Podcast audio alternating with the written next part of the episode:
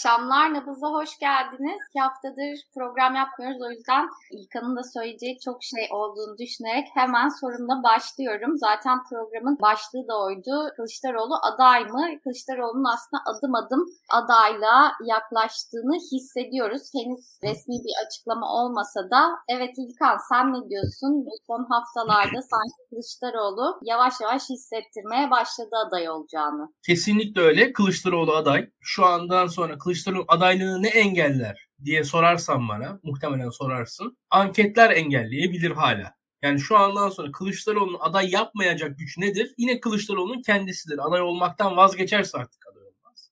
Ha ne zaman tabii bu şöyle e, ortaya çıkar? Burada Kemal Bey çok güzel söylemiş. Hakikaten doğru. Tek aday olup olmayacağı bir mesele muhalefet açısından tek aday tartışması yapılıyor benim. Geçen seçimde bir başarısızlık oldu. Muharrem İnce, Meral Akşener, Selahattin Demirtaş aynı anda aday oldu. Temel Karamollaoğlu da aday oldu. Bunun sonucunda iyi bir sonuç alınamadı. Tayyip Erdoğan %52 aldı ve beklentilerin gerisinde kalındı. Burada da birçok muhalif figür, Akşener dahil bu arada, şunu dediler. Yani biz çok fazla aday gösterdik. Yani çok fazla aday gösterdik. Hatta burada Muharrem İnce şey dedi, daha çok aday olsa daha iyi olurdu falan dedi. Ama ya bu iş biraz çok enteresan bir şey. Bir kişiye karşı 10 kişi aday olduğu zaman o kadar da iyi olmuyor ve o 10 kişi birbiriyle e, yarışıyor. Aslında bir taraftan şu ne kadar çok fazla aday olursa çeşitlilik olursa o kadar iyi gibi. Yani e, o, o da bir fikir. Ama bir taraftan da şu var. Diğer adaylar birbirleriyle yarışıyorlar bir yerden sonra. Yani en iyi ikinci olmak için çalışıyorsunuz. En iyi ikinci olmak için yarışıyorsunuz mücadelede. E, öyle olduğu zaman da enerjinin bir kısmı boşa gidiyor diye düşünüyorum ben. Tartışmanın sonunda hakikaten muhalefet Öyle ya da böyle ilk turda halletmek istiyor bir de seçimi. Sonuçta orada bir biliyorsunuz şu an seçim iki turlu. Ve o ara, iki, ikinci turla ilk tur arasında bir 15 gün geçecek. O 15 gün Türkiye'nin yaşamadığı bir şey. Türkiye şimdiye kadar öyle bir 15 gün yaşamadı. Hatta Türkiye ona benzer yaşadığı bir tek süreç var. O tek süreçte şu demek yani İstanbul seçimleri aslında tek süreç. Yani ona benzer bir süreç ki o da çok düzenli bir süreç değildi ve İstanbul zaten küçük bir örnek. Tam Türkiye'yi yansıtmayacak. Şunu söyleyebilirim benim. Yani orada öyle ya da böyle muhalefette altılı masa dışında muhalif parçalar var. Şimdi en büyük parça Sol İttifak. O konuda sen de gittin görüştün mesela işte Demirtaş, Demirtaş'ın etrafındaki tartışmalar, işte Öcalan'la görüşme, ailesini görüştürme, görüştürmeme tartışması, üçüncü ittifak nasıl oluşacak ve üçüncü ittifak mesela aday gösterecek mi, göstermeyecek mi? Çünkü üçüncü ittifakın aday gösterip göstermemesi seçimlerin yine ikinci tura kalıp kalmayacağını da belirleyecek bir faktör. Yani üçüncü ittifak aday gösterirse öyle ya da böyle en azından bir yüzde on, belki yüzde on beş bir oy alacak üçüncü ittifak. Üçüncü ittifak bir yüzde on, on beş oy aldığı zaman geriye kalan iki ittifakın da yani Cumhur İttifakı'nın ve Millet İttifakı'nın da kendi başlarına %50'yi bulmaları çok kolay değil. Şimdi onu da belirleyebilir. Orada da bir pazarlık öyle ya da böyle dönecektir diye tahmin ediyorum. E bunun dışında 3. ittifak Demirtaş tarafı dedik. Bir de altılı masadan olmayan Demirtaş 3. ittifak Kürt tarafı sol taraftan olmayan muhalifler de var. Bunlar sosyal medyada etkinler, öfkeliler, hırsızlar, sinirliler. Bunlar da aslında 3 tane ana figür var burada öne çıkan. Birinci figür meşhur Ümit Özdağ. Etrafında işte Suriyeliler üzerinden bir muhalefet gerçekleştiriyor daha ziyade. Türkiye'deki mülteci sığınmacı meselesi üzerinden gerçekleştiriyor ve daha ziyade HDP'li ilişkiler üzerinden de sert bir şekilde kendini anti Kılıçdaroğlu pozisyona yerleştirmeye çalışıyor. Ki Kılıçdaroğlu da esasında altılı masa içerisindeki Suriyelilere karşı en sert kişi Kılıçdaroğlu bu. Onu da söylemek lazım. Yani ne Akşener'in ne herhangi bir diğer muhalif liderin öyle Suriyelilere karşısında Kılıçdaroğlu kadar sert lafı yok. Orada Ümit Özdağ aslında kendine en yakın pozisyondaki lidere karşı da sert bir pozisyon alıyor. E bunun dışında iki tane daha önemli figür var. Birincisi Muharrem İnce. Geçen seçimde %30 oy almış bir adam. E kendi partisi de öyle ya da böyle var ve hala şunu biliyoruz ki mesela Cumhuriyet Halk Partisi'nin mesela Kılıçdaroğlu'nun aday olmadığı, Ekrem İmamoğlu'nun aday olmadığı bir pozisyonda. Bence Muharrem İnce bir aday ol- olmayı dener. Çünkü Cumhuriyet Halk Partili diye bir kafamızda prototip yaratmaya kalksak yani sen kafanda bir yabancı bir işte atıyorum gazeteciye Cumhuriyet Halk Parti kimdir sorsan cevap arıyor olsa Muharrem İnce gibi figür tasvir edersin. Gerçekten de hani prototip Cumhuriyet Halk Partili adam yani bir yandan da. Onun da öyle bir her zaman alıcısı var ki %30 bir oya ulaşmış. Yani bu arada onu ciddi almak lazım bakın. Yani şu an Türkiye'de benim tahminim mesela Ümit Özdağ tanımayan insanlar var şu anda. Biz tamam biz siyasette çok ilgiliyiz de yani şu an Türkiye'deki herkes Ümit Özdağ'ı tanımıyor bile. Ama mesela Muharrem İnce'yi tanımayan yok şu an Türkiye'de. Bu önemli bir şey. Hatta ben mesela Ali Babacan'dan mesela Muharremci daha fazla tanınıyordur. Yani Ali Babacan'ı bile tanımayan vardır. Yani böyle siyaset için tanınma oranları düşük. Mesela şöyle söyleyeyim. Geçen gün biraz da konuştuk belli bir anketçi, araştırmacı insanlarla. Ya şu anda bile Yani mesela İzmirli gençlerde İmamoğlu ne kadar tanınıyor aslında. Yani siyasette insanlar o kadar ilgili değiller. Bizim gibi değil insanlar. Öyle öyle görmek lazım. O yüzden de tanınma meselesinin kendisi bir önemli. Yani şu anda mesela en politik kitle Ümit Özdağ tanıyor. O yüzden çok konuşuluyor diye düşünüyorum. Bir de tabii bir diğer faktör var. Bu bence önemli. Fatih Erbakan ve Yeniden Refah Partisi. Bazı muhafazakar arkadaşlarım benim şey diyorlar ona. Yani Fatih Erbakan'ın ve Yeniden Refah Partisi'nin aldığı oyları sen oylara sen bakma. O oylar seçim günü Tayyip Erdoğan'a ve Adalet ve Kalkınma Partisi'ne er geç dönecektir diyorlar bir kısmı. Yani sonuçta e, Saadet Partisi'ne gitmeyen, Gelecek Partisi'ne gitmeyen bir oyla, oy grubu bu. Yani daha öncesinde muhalif olan, Saadet'e gitmemiş, Gelecek Partisi'ne gitmemiş, Deva Partisi'ne gitmeye yanaşmamış, muhafazakar olduğu belli bir oy grubu var. Kimi anketlerde %2 seviyesinde gözüküyor. Yani o %2'yi de aslında Tayyip Erdoğan'a ve e, Adalet ve Kalkınma Partisi'ne eklemek mi gerekir? O da bir sorudur ve Burada çok enteresan şeyler var. Şimdi ittifak biliyorsun şu an yasa değişti. Eğer seçim sanırım Nisan ayından sonra yapılırsa uygulanacak da. O zaman da şöyle bir durum var. Yeniden Refah Partisi'nin vekil meclise sokabilmesi için Adalet ve Kalkınma Partisi listesinden girmesi lazım. O iş zora girdi. Mesela böyle enteresan denklemler var. Aday gösterecek mi partiler mesela? Şimdi Yeniden Refah Partisi Cumhurbaşkanı adayı gösterecek mi göstermeyecek mi? Çok basit bir soru. Ama İlginç bir soru aslında. Veyahut da Deva Partisi. Deva Partisi'nin bir oy potansiyeli var. Aslında Ali Babacan mesela aday olsa adaylığı konuşulur. Partiye ilgiyi arttırır mı arttırır. Kesinlikle Cumhurbaşkanı olamaz Ali Babacan. Ne yaparsa yapsın. İkinci tura kalsa da olamaz mesela. Tayyip Erdoğan'a yenilir bence ikinci turda açık konuşayım. Yani Gül'de Babacan herhangi bir muhafazakar figür Tayyip Erdoğan'a kesin yenilir. O konuda en ufak şüphem yok. Ama bütün bunların yanında yani bu partiler açısından mesela bir öyle kısa vadeli çıkar ve uzun vadeli çıkar farkları var diye düşünüyorum. Ben eminim yani bu birçok lider aday olayım mı olmayayım mı pazarlığı yapacaktır. Hem iktidar grubuyla hem muhalefet grubuyla. Muhalefetin özellikle bu üçüncü ittifakla HDP artı sol grup ittifakıyla da yine aday olmaması üzerine belli bir pazarlık yapacağını düşünüyorum ben. Bu nasıl neyin pazarlığı olur ne, neyin olmaz onu tam bilmiyorum. Ama şu aşamada evet Kılıçdaroğlu aday. Ve de bu ne zaman adaylık açıklanır? diye soruyorsan da o konuda çok basit bir cevabım var benim. Biraz diğer analistlerden ben farklı düşünüyorum. Açıklanabilecek en son anda açıklanacaktır. Çünkü zaten bu başından beri anlattığımız 3. 4. adayların çıkmaması üzerine bir strateji kurulduğu için aday erken açıklanırsa yani aday çok basitçe söyleyelim. Beril eski aday oldu diyelim muhalefet adına.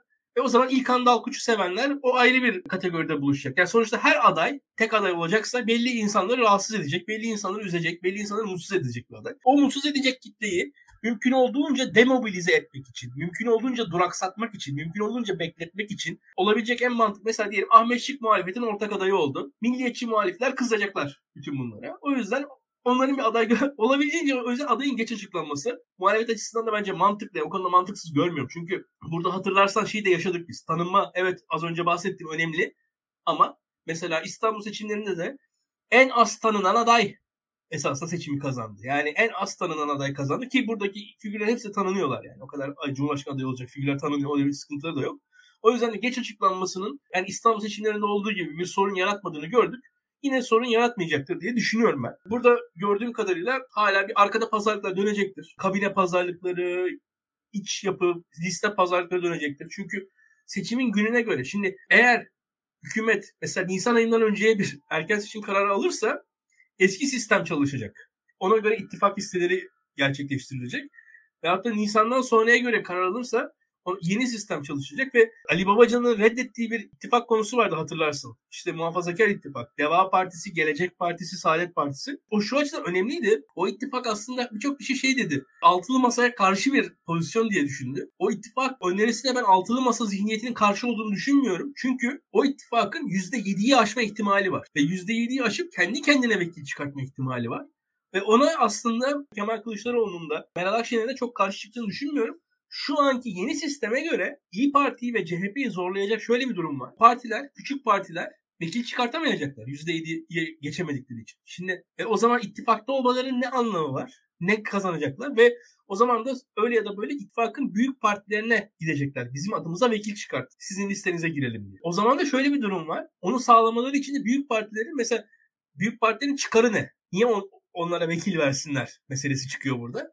Mesela geçen seçimde benim Cumhuriyet Halk Partisi listesinden iki tane Saadet Partili vekil çıktı.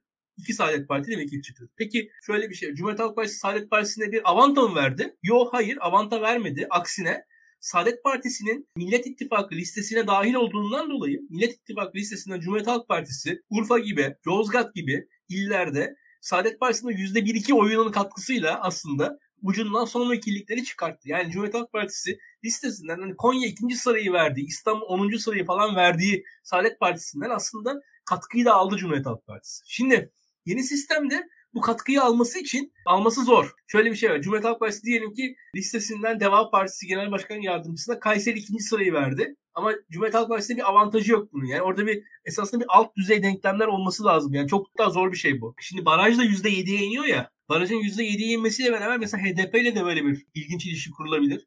HDP'nin baraj sıkıntısı hiç kalmıyor %7'ye inince. Ve hani HDP'nin mesela %10'u aşmak için her oyunun peşinden koşturuyordu HDP. Mesela nedir? HDP'nin asla vekil çıkartamayacağı iller var biliyorsun. Mesela Balıkesir. HDP'nin vekil çıkartması imkansız. Ama orada alınacak %1 oy, %2 oy, %3 oy HDP açısından barajı aşmak için anlamlıydı. Şu an bir anlamı yok. Mesela %7 olunca. Şimdi bu tarz pazarlıkta mesela HDP'ye işte şu şu şu şu illerde mesela sen aday çıkartma denebilir. O tarz şeyler de il il öyle aday pazarlıkları olabilir. Liste pazarlıkları olabilir. Yani seçim bu açıdan ben bu konuları konuşmayı çok severim. Biraz fazla ayrıntı da verdim arkadaşlara. Bilmiyorum yani kafa karıştırdım ama olabildiğini açık anlatmaya çalıştım böyle pazarlıklar olacaktır diye düşünüyorum. Şu aşamada ben Kılıçdaroğlu'nun aday olduğunu görüyorum. Sen en sonunda işte mesela son mutfak konuşmasını izledik beraberce. Daha önceki tüm konuşmalar nasıldı? Hepsinde şey konuşuldu işte ilkeler konuşuldu. Devamında ne konuşuldu? Eleştirilen şeyler işte hırsızlık, yolsuzluk, işte devlet adamı değil bunlar, memurlar kötü iş yapıyor falan eleştiri vardı. Ama bunun karşısında şu oldu ortada. Bu adamın ilk defa şey yaptığını gördük. Yani Kemal Kılıçdaroğlu çıktı bir vaat verdi.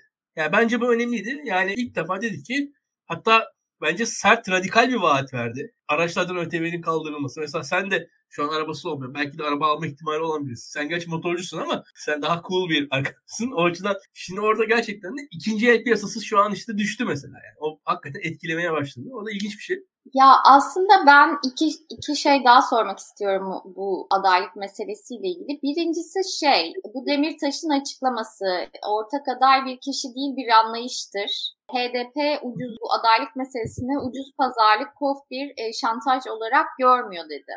Sen bu Demirtaş'ın açıklamalarını nasıl değerlendiriyorsun? Şöyle, şimdi Demirtaş aslında ön alıyor. Ya ben pazarlık meselesinde yadırgamıyorum bu arada, onu söyleyeyim. Pazarlık kelimesi kötü bir kelime ama her siyasi parti kendi gücü nispetinde ağırlık hissettirmek isteyecektir. Bunu bundan utanmamakta ben şey yapmıyorum. Ben biraz daha geniş bakıyorum olaya yani. Çok bu kadar ilkeli değilim ben yani Demirtaş kadar en azından. Bu pazarlığın içerisinde yani bu, bu dengenin içerisinde, bu denklemin içerisinde HDP diye bir şey var. HDP diye bir şey var. Yani siz HDP'yi yok sayarak HDP'ye rağmen bir şey yapmanız zor. Ha şunu söyleyeyim. HDP'nin eli çok mu rahat? Bence değil.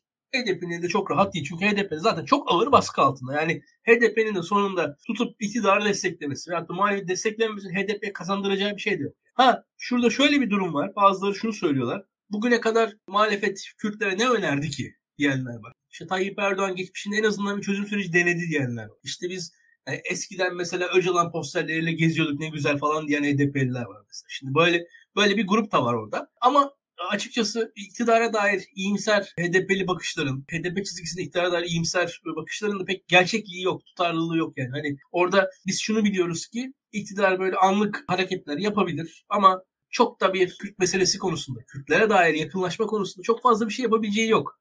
Ha burada nedir? HDP'nin öyle da böyle seçmenlerinin mobilize edilmesi lazım. Seçmen mobilizasyonunda da HDP'nin e, örgütü önemli. Yani HDP örgütü hakikaten çalışan da bir örgüt. Yani orada bir seçmenleriyle temas eden bir örgüt ve yani bir yandan şu tarafı var yani HDP'nin mesela her HDP seçmeninin gözaltına alınmış, işte tutuklanmış, cezaevine girmiş bir akrabası yakını var. Şimdi bu yüzden de HDP seçmenleri ister istemez o örgütün içindeler. Yani sonuçta şöyle bir şey var. Ya cezaevine gitmemiş bir HDP'li falan yok, yok gibi yani. Hani bir şekilde gidiyorsunuz geliyorsunuz cezaevine. Bizim devletimizin yaptığı baskı sonucunda hakikaten herkes fiilen siyasallaşmış durumda. O yüzden de o örgüt sert durabiliyor bir yandan. Onu sağlıyorsunuz siz orada. Ve HDP'nin evet muhalefeti desteği bence de mukadderdir ama şöyle bir durum var. HDP'lilerin mesela muhalefeti desteği şöyle çok basit bir örnek vereyim. Mustafa Sarıgül'ün İstanbul Belediye Başkanı adaylığında da birçok HDP'li aslında Kadir Topbaş mı Sarıgül mü Sarıgül dedi ve Sarıgül'e oy verdi. Sırrı Süreyya'nın aday olduğu seçimde. O zaman bile birçok HDP'li vermişti. Çünkü sonuçta sol gelenek bir şekilde sokaklarda Aleviler, Kürtler bir temas halindeler falan. Orada bir CHP örgütün yani CHP örgütü aslında CHP'nin tepesinden daha solda olabiliyor bazı yerlerde. Onun etkisiyle falan bayağı bir oy kayması da olmuştu. Ama %3-4 olmuştu. Yani HDP oyunun %40'ı falan e, CHP'ye geçmişti o seçimlerde. Şimdi burada da mesela HDP'liler muhalefete destek verir ama şimdi beğenmedikleri bir aday olursa %30-40 destek verir. Beğendikleri bir aday olursa %80-90 destek verir. Aradaki fark da etkili olur diye düşünüyorum. O desteğin boyutu konusunda bence önemli. Ve bir de hala şöyle bir şey var.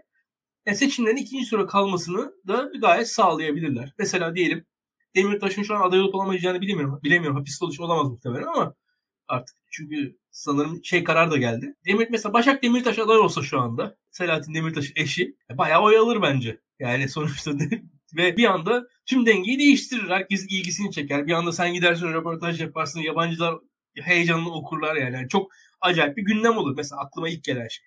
Peki şöyle bir analiz gördüm. Bu altılı masada bir kamplaşma olabilir. Bir bekleyen, bekleyen diğer tehlikede işte bir başını CHP'nin çektiği işte Saadet Partisi, Demokrat Parti, diğer başını İyi Parti'nin çektiği işte Deva ve Geleceğin olduğu böyle bir kamplaşma yaşanabilir. Böyle bir tehdit hani bu işleri zorlaştırabilir ortak aday konusunda, diğer konularda seçme birlikte girme konusunda hani bu ittifak ilerleyişi konusunda bazı pürüzler yaratabilir diye analizler var. Sen buna ne diyorsun? Böyle bir şey olabilir mi? Böyle bir tehlike var mı? Neden böyle bir kamplaşma yaşansın? Şimdi şöyle bir durum var. Tabii ki tehlike var. Tabii ki böyle bir kamplaşma olabilir. Yüzde yüz bunun bu ihtimal dahilindedir. Ben bunu asla e, olmaz demem. Çünkü siyaset bu. Yani ve şunu biliyoruz biz. Bunun içinde çalışacak da ittifak dışı yapılar var. Yani ittifak dışı yapılar var derken mesela Ümit Özdağ kendisi aday olmak istiyor. Ve kendi adaylığının kendi siyasal hikayesinde etkili olacağını düşünüyor. Ben çok net biliyorum. Ümit Özdağ İyi Parti'deyken de mesela İstanbul Belediye Başkanı adayı olmak istiyor. İstanbul Belediye Başkanlığı'nı bu şehirden Suriyelileri kovalayacağım temalı bir kampanyayla sürdürecekti. E kazanabilir miydi İBB başkanlığını? Kazanamayacaktı. Ama mevcut İyi Parti oyu işte %10 diyelim İstanbul'da. Onun üzerine 2-3 puan daha eklediği zaman da e, seçimi de sonuçta İmamoğlu'na kaybettirecekti bakarsanız. Yani onu başarabilir miydi? Başarırdı. Bunun gibi ama bunun sonucunda seçimi kaybettirirdi ama kendisi de parlak bir siyasal sağ milliyetçi figür olarak e, adını yazdırırdı. Kendi hikayesini öyle başlatırdı. Yani sonuçta bir İstanbul Belediye Başkan adaylığı da adaylığı size İlhan Kesici'den bahsediyoruz değil mi benim mesela? Şimdi 30 yıldır İlhan Kesici'den bahsediyoruz. 30 yıl önce yenildiği için adam hala siyasette. Yani 30 yıl önce bir yenilgi almış olması bile siyasette tutuyor insanı. Bir ilan kesici figürünü. Herhangi bir bu adaylık meselesi de yani. Ümit Özdağ şu an bir cumhurbaşkanı adayı olabilse bile onun için bir siyasal gelecek bu yenilgiden bile çizilebilir diye düşünüyorum. Onu düşünüyordur. Bunu düşünürken de tabii adaylıkla beraber şu. Hani çok rezil bir sonuç almaması lazım. Yani yani binde iki falan alırsa komik olur, gülünç olur. Ama hani diyelim aday oldu diyelim Ümit Özdağ ve %7 oy aldı. Buradan kendisi yani 10 yıl 15 yıl bunun üzerinden bir siyasal ikbal arar arar bu, bu, bu, ve gücü arkasında bulabilir onun üzerinden. Onu onu hayal ediyor diye düşünüyorum. Böyle. Başka bir konuyu sormak istiyorum sana. Bu Zaho'daki işte 9 sivilin hayatını kaybettiği saldırı 9 rakam mı ondan şu an emin olamadım 9'du sanırım. Sivilin hayatını kaybettiği saldırı, bu saldırıyla işte ilgili ilk işte Irak hükümeti Türkiye'yi gösterdi, sorumlu tuttu. Türkiye PKK'yı işaret etti. Ortada çözülememiş bir durum var. Birleşmiş Milletler'den açıklama geldi. Konu işte Birleşmiş Milletler'e taşındı. Ama tabii eğer bu saldırıyı yapan Türkiye idiyse o zaman da işte başka sorular ortaya çıkıyor. Eğer cevabı buysa o zaman da işte Türkiye'nin bu saldırıda işte yanlış istihbarat mı aldı, işte devlet içi bazı kliklerin arasındaki mücadelenin sonucu mu böyle bir şey oldu, nasıl böyle bir hata yapıldı gibi bir tartışma aslında doğurdu. Sen bu saldırı, bu saldırının gerçekleşmesi, Türkiye'nin reaksiyonu, hani bunun gidişatıyla ilgili ne düşünüyorsun? Çünkü ben pek çok analiz okudum ama yine de bu zamanlaması, saldırı olanlar yani bunu anlamlandırmakta oldukça zorlandım. Sen hani anlamlandırabildin mi merak ediyorum. Neden anlamlandıramadın? Türkiye'nin böyle bir hata yapabileceğini düşünmedim öncelikle. Şu zamanda böyle bir şey yapabileceğini düşünmedim ya da bunu düşündüğüm zaman daha kötü senaryolar düşünmek zorunda olduğum için belki de böyle düşünmek istemedim. Yani Türkiye kendinden çok emin bir şekilde biz yapmadık. Bizim aramızı bozmak isteyenler var diyor ama burada hani daha önce de konuştuğumuz gibi Türkiye'nin başka ülkeler üzerinde işte siyasette bir etkisi, bir nüfuzu desteklediği gruplar olabiliyor. Belki bunlarla bağlantılı düşünülebilir diye düşündüm ama yani çok bana şey tabii ben Türkiye-Irak ilişkilerini işte Türkiye'nin Kuzey Irak'ta yaptığı operasyonları vesaire e, çok böyle yakından takip eden biri değilim. Başka tabii toplamda Türkiye'nin yaptığı düzenlediği operasyonlarda hayatını kaybeden başka sivillerin olduğu da işte ciddi rakamlar ortaya çıktı. Yani dolayısıyla ben tam şey yapamadım. Nereye oturtacağımı bilemedim. Yani bu, şu an böyle bir şeyi o bir yere otursam tehlikeli ve kötücül bir senaryo aklıma gele, gelebilir diye bir yere oturtamadım belki de bilmiyorum. Peki o yüzden mesela merak ediyorum. Barzani'nin duruşunu nasıl görüyorsun burada? Politik görüyorum aslında. Yani politik demeyeyim de diplomatik görüyorum. Sınırlarının farkında olduğunu düşünüyorum. Ama o da hani Türkiye çok kendinden emin bir şekilde sonuç olarak bunu yapmadığını öne sürüyor. Hani bir tarafın da bu kadar kendinden emin bir şekilde bunu yapmadığını ileri sürmesi de neden o zaman bu taraf işaret ediliyor? Nasıl bu kadar kendine güvenle ileri ben yapmadım diyor. O zaman bunda da bir haklılık payı olmalı. Yani e, tarafsız bakmaya çalışıyorum. Anlatabiliyor muyum? Türkiye'den biri olmama rağmen tam anlamaya çalışıyorum. Bilmiyorum sen ne diyorsun? Ya şöyle şimdi Türkiye sertlik yapabilecek bir ülke. Ama Türkiye tamamen kontrolsüz bu kadar sertliği niye yapsın? Bilmiyorum. Yani orada yani ben Türkiye'nin böyle bir insan hakları gündemiyle çok fazla hareket ettiğini düşünen biri değilim zaten. Ama evet. kafamda benim de sorular var. Yani orada o oraya öyle saldırmak ve bir yandan sonra hatta bizim takipçilerden bir tanesi de vardı. Yani Iraklılar dediğiniz insanlar sabah akşam birbirini bombalayan bir grup. Bir anda hepsi bir araya geldi. Vatan millet Irak diye dolaşmaya başladılar. Yani o tepkiler falan da bana enteresan geldi. Bir anda bir Irak'taki ya benim hayatımda görmediğim son 40 yıl Irak'ta görmediğim bir Iraklılık bilincini falan gördüm ben orada yani. Resmen ya hani... Evet sonuçta Irak failed state olarak görülen evet. bir yer ve burada insanlar bu saldırı karşısında mobilize oldular. Bir yani Hı. bu saldırı onları bir şekilde mobilize etti diğer saldırılardan farklı olarak. Evet yani hani Irak çünkü şöyle bir şey var. Irak'ta elçilikler bombalanıyor. İran füze atıyor Irak'a. Hani İran'ın Irak'ta böyle füze attığı zamanlar var. Ben hatırlıyorum ya şimdi. Öte yandan hani Türkiye IŞİD geldi götürdü Irak'ı. Yarısını işgal etti. Biz hani iller ilçeler düştü. Orada bayağı bir şey oldu olmadı. Garip bir olay. Hakikaten garip bir olay. Yani ben de tam anlamıyla %100 anlamlandırmış değilim. Ama şu gözüküyor. Türkiye'nin Rusya ve İran'la olan ilişkilerinde belli bir sınıra gelindiğini ben görüyorum. En basitinde. Yani daha kolay analiz edebildiğim şeye geleyim. Büyük resmi daha kolay görebiliyoruz. Küçük resmi tam göremiyoruz. Küçük resimde acaba diyorsunuz ki mesela mesela Türk Silahlı Kuvvetleri yapma mesela senin dediğinde de o onu da seziyorum aslında. Türk Silahlı Kuvvetleri değildir. Ama mesela işte bir grup köy korucusu. Ya Türkiye ordusunun yanında yer alan paramiliter işte atıyorum bir yapı. Tam ordu değil. Yani orada resmen ordu değil ama hani biraz şey gibi hmm, daha illegal bir yapı. Yani kontrol dışı bir yapı olabilir mi? Veyahut o kontrol dışı yapıya dışarıdan sızanlar olabilir mi? Ya o tarz şeyler söylenebilir. Çünkü gerçekten bir devlet politikasıyla orayı bombalamak falan şey değil. Yani, yani şu an Zaho'da yaşanan şey bizim kendi hayatımızda bildiğimiz bir şey vardı. Uludere, Roboski. Yani tam anlamıyla bir Roboski olayının benzeri neredeyse bir hadise gördük. E, Roboski olayında da yani şöyle söyleyeyim ilk başta nasıldı? İlk başta bak hatırlayalım Uludere olarak anılıyordu. Sonra Roboskileşti. Sonuçta Türk kamuoyu olaydan çekildikçe Kürtleşti isim olarak da yani. Bu da enteresan bir şekilde Araplaşma durumu var yani. Bir Iraklaşma hikayesinin sembolü haline geldi. Türkiye Kuzey Irak'ta çok uzun süredir varlık gösteriyor. Çok fazla üssü var Türk ordusunun orada. Kalıcı üsler. E, ve hepsinde tanklar manklar falan var. Bayağı bir insan orada uzun dönem askerlik yapıyor neredeyse yani. Hani ve öyle ki şunu görüyoruz. Türk Silahlı Kuvvetleri sanırım geçen yılın Nisan ayından beri bir operasyon halinde Kuzey Irak'ta sürekli süre gelen bir operasyon var. Bu işte Gara baskınını hatırlıyorsunuz. İşte orada rehin olan e, vatandaşlarımız şehit edildi. Onun ardından yap, operasyonlar sürekli devam etti. Sürekli devam etti. Bu operasyonlarda da son dönemde sürekli şehit haberleri gelmeye başladı. Ve belli bir sıkışma da orada olduğunu görüyorum ben. İşin sonu nedir? Tam bilmiyorum açıkçası. Ve enteresan bir şekilde genelde askeri operasyonlar Türkiye'de yüksek perdeden anlatılır.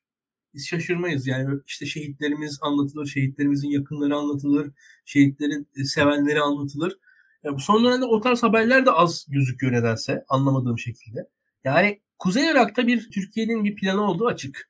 Oradan pek özellikle genelde Türk, Türkiye'nin son 10 yıllık stratejisine baktığımız zaman işte Kandil Dağı'ndan Akdeniz'e kadar uzanan bir hat diyelim orada.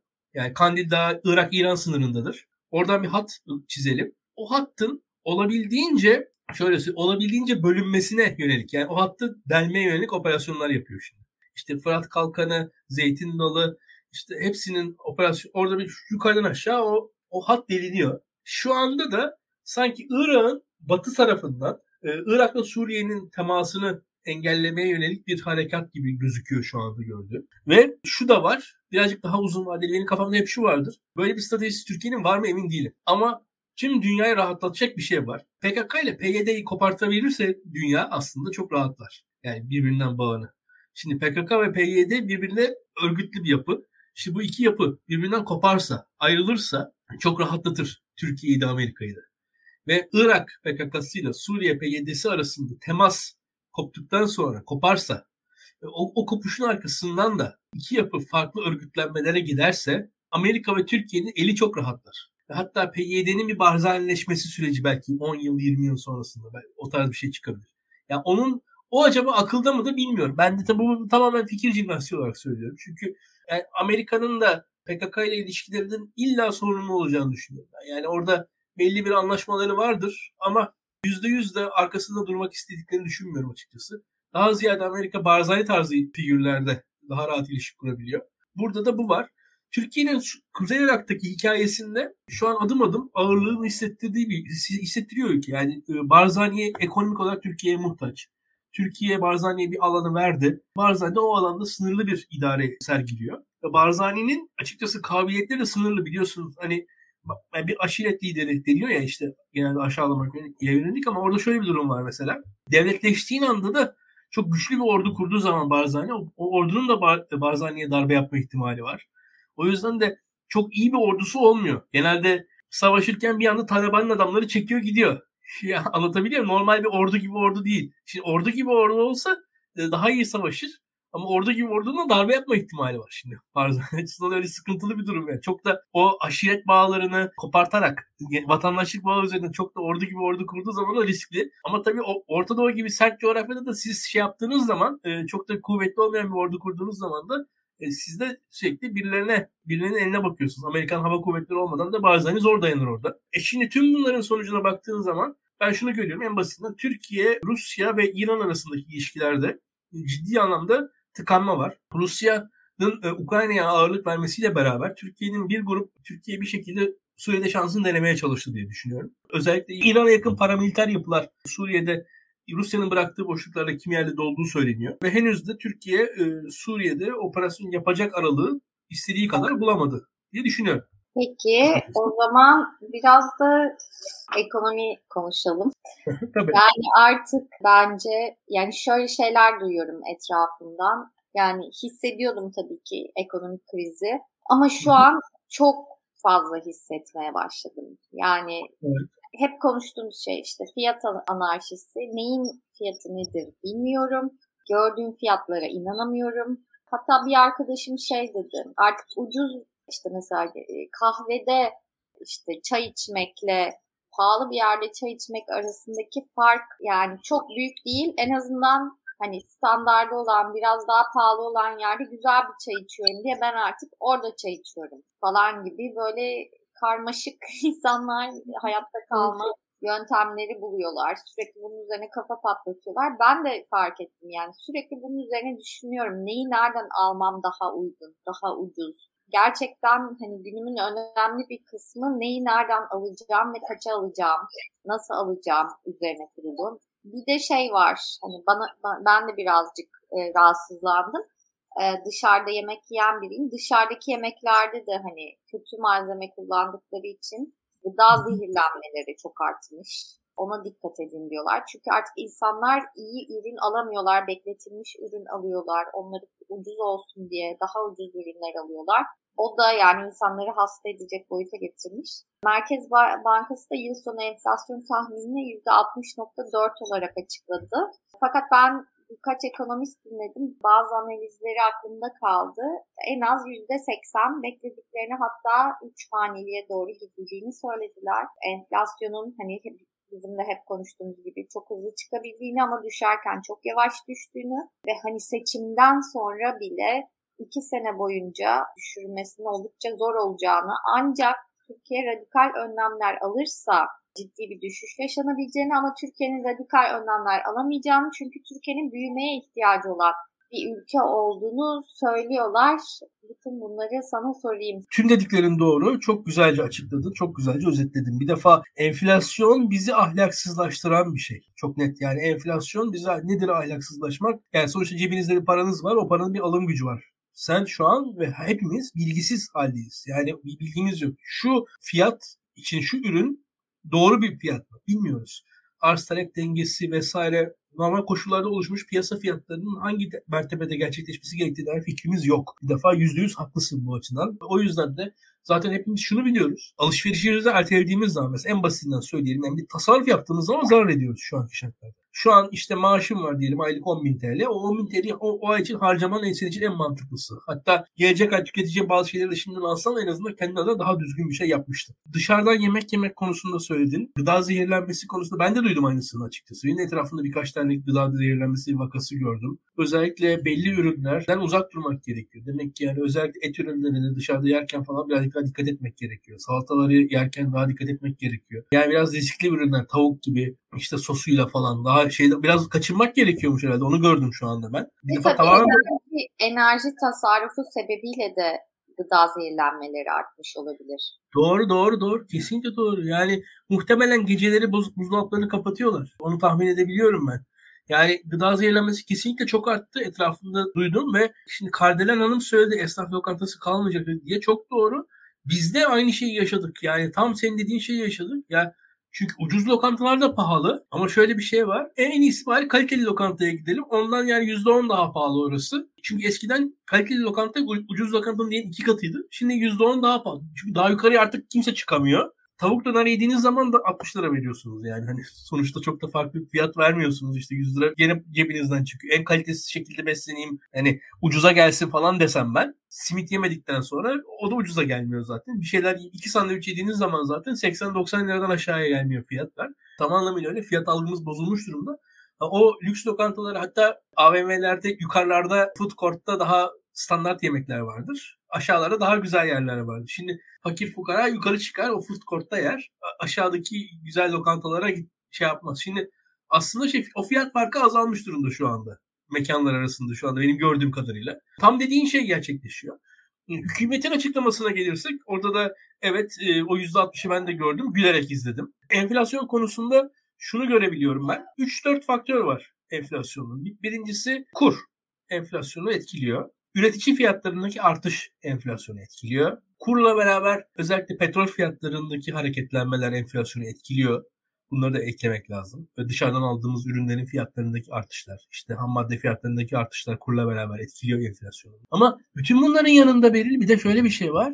Zaten o iki yıl süreceğini anlattığın hikayede o vardı. Yani bir şey ortaya konmuş durumda diyelim. Ekonomik program ortaya konmuş durumda diyelim ve işte kur bir şekilde stabil hale geldi diyelim. E, ve dış fiyatlarda da durgunlaştı. Enflasyon hemen düşmeyecek dedi sana yorumcular. Çok doğru söylüyorlar. Çünkü bir de şu var.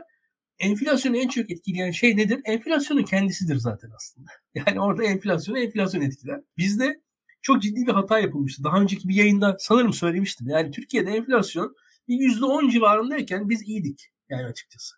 Türkiye çok da %5'lik, %3'lük enflasyonu olan bir Kuzey Avrupa ülkesi gibi değildi Türkiye. Belli bir illegaliteyi taşıyan, hafif bir biraz hareketi taşıyan, taşıyacak, büyümesi gerek, gereken bir ülke olduğunu söylemiştin sen zaten yani. O yüzden kredi alması gereken falan da bir ülke Türkiye.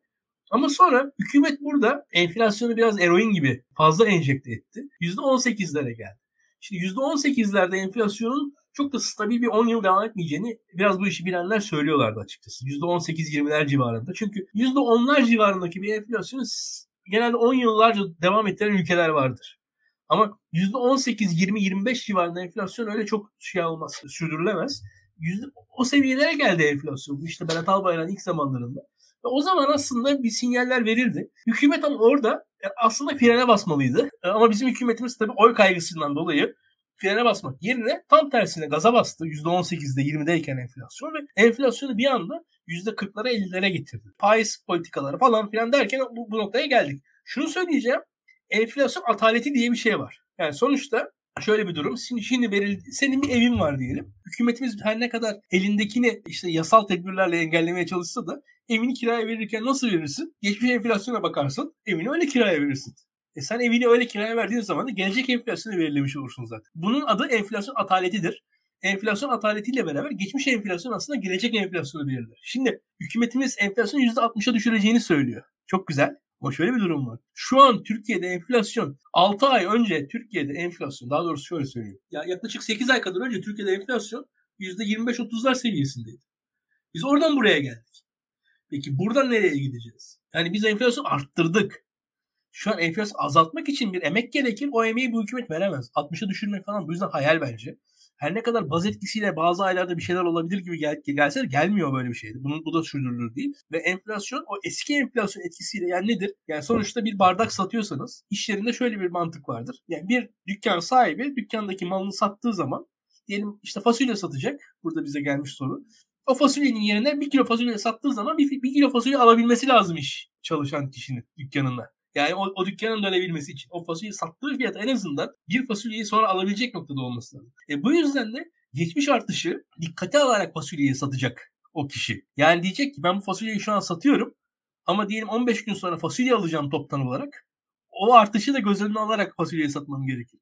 Aynı şekilde evini kiraya verirken de ya ben şu an evimi kiraya veriyorum geçmiş artışı dikkate alarak kiraya vereceksin. Ve bunu engellemek de kolay değil vatandaşlar. Yani psikolojiye hakim olmanız gerekiyor. Vatandaşın para harcama ilişkisine hakim olmanız gerekiyor. Senin yayının başında bana bu soruyu sorarken anlattığın şey vardı işte düşünüyorum. Şu, o, o, o zihne hakim olma, olacaksınız ki enflasyon düşsün. Şu an Türkiye'de enflasyonist bir zihinle çalışır hale geldi tüm kafalarımızın, beynimizin içi.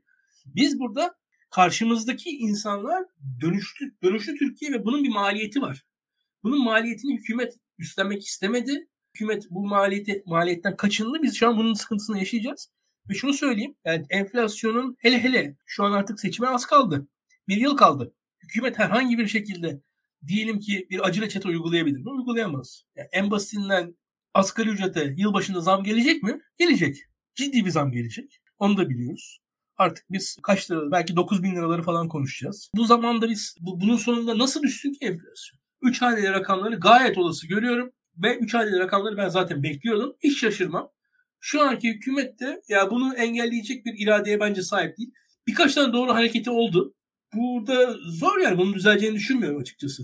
Doğru hareket dediğin? Bazı kredileri kısıtlamaya yönelik hareketler yaptılar hükümet tarafı. Ama onu da sürdürmezler. Yani illa bir şekilde enflasyon şu an yaz aylarında e, ekonominin düşündükleri kadar e, sıcak ısınmadığını göreceklerdir. Kredileri yine pompalayacaklar bir yerden sonra.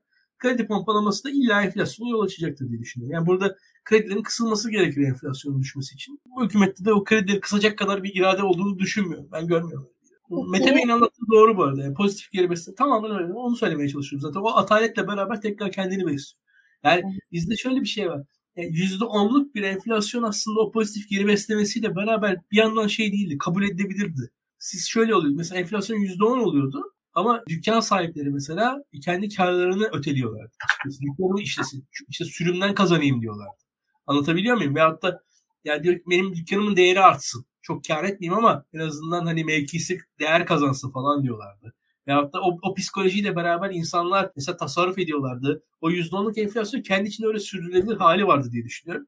Ee, yani artık zor. Zor. Çok zor bundan sonra. Ne yazık ki e, vatandaşa buradan söyleyebileceğim tek şey var. Ev alabilen aldı. Kredi alabilen alsın hala.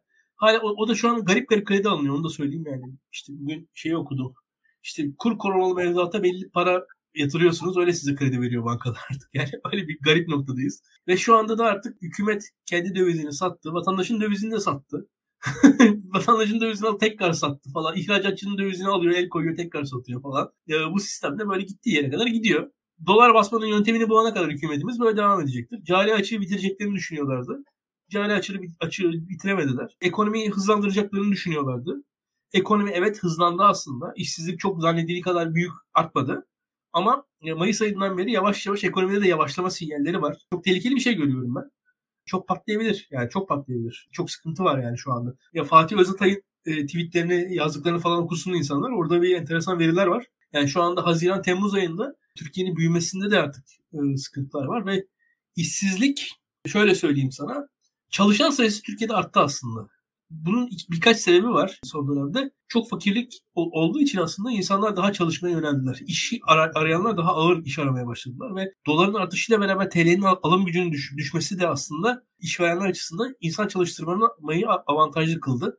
Bu da biraz işsizlik konusunda bir rehberine basıldı ama orada da ya sınıra gelindi ne yazık ki. Orada da yani Mayıs Haziran'dan beri iyi değil durumlar. Yazın beklendiği kadar hareket bence yok. Göreceğiz yani Ha bu işin daha kimileri Covid'i falan da söylüyorlar. Ben Covid hiç duracağını düşünmüyorum ekonominin. Yani o konuda çok kale almamıza gerek yok şimdi.